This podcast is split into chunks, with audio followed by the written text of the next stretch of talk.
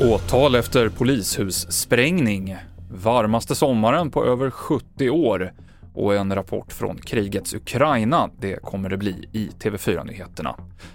Ja, vi börjar i Ukraina där Ryssland fortsätter sin offensiv i Donbass i öst och NATO-länderna skickar allt tyngre anfallsvapen.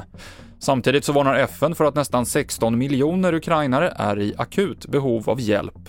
Vår reporter Therese Kristiansson är på plats i huvudstaden Kiev och hon lämnade den här rapporten tidigare idag. Ja, vi har ju då rest runt i flera av de här befriade områdena runt Kiev och, och, och med omnejd.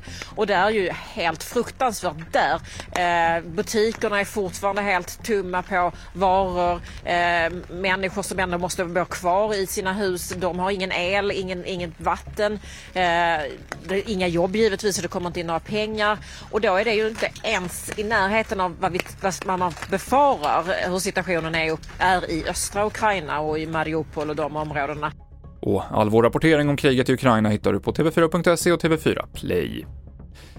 Mer än fyra år efter explosionen vid Helsingborgs polishus så åtalas nu tre män. Enligt åklagaren så har en av de misstänkta förberett en väska med sprängmedel och sen lämnat över den till de två andra männen och gett instruktioner om hur bomben skulle hanteras.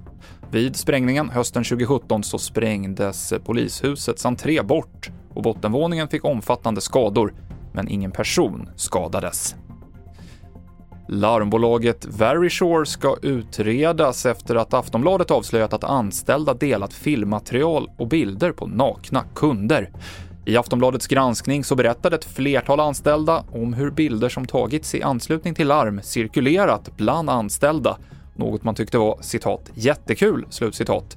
Nu så ska Integritetsskyddsmyndigheten reda ut vad som hänt och hur den interna säkerheten är på Verisure.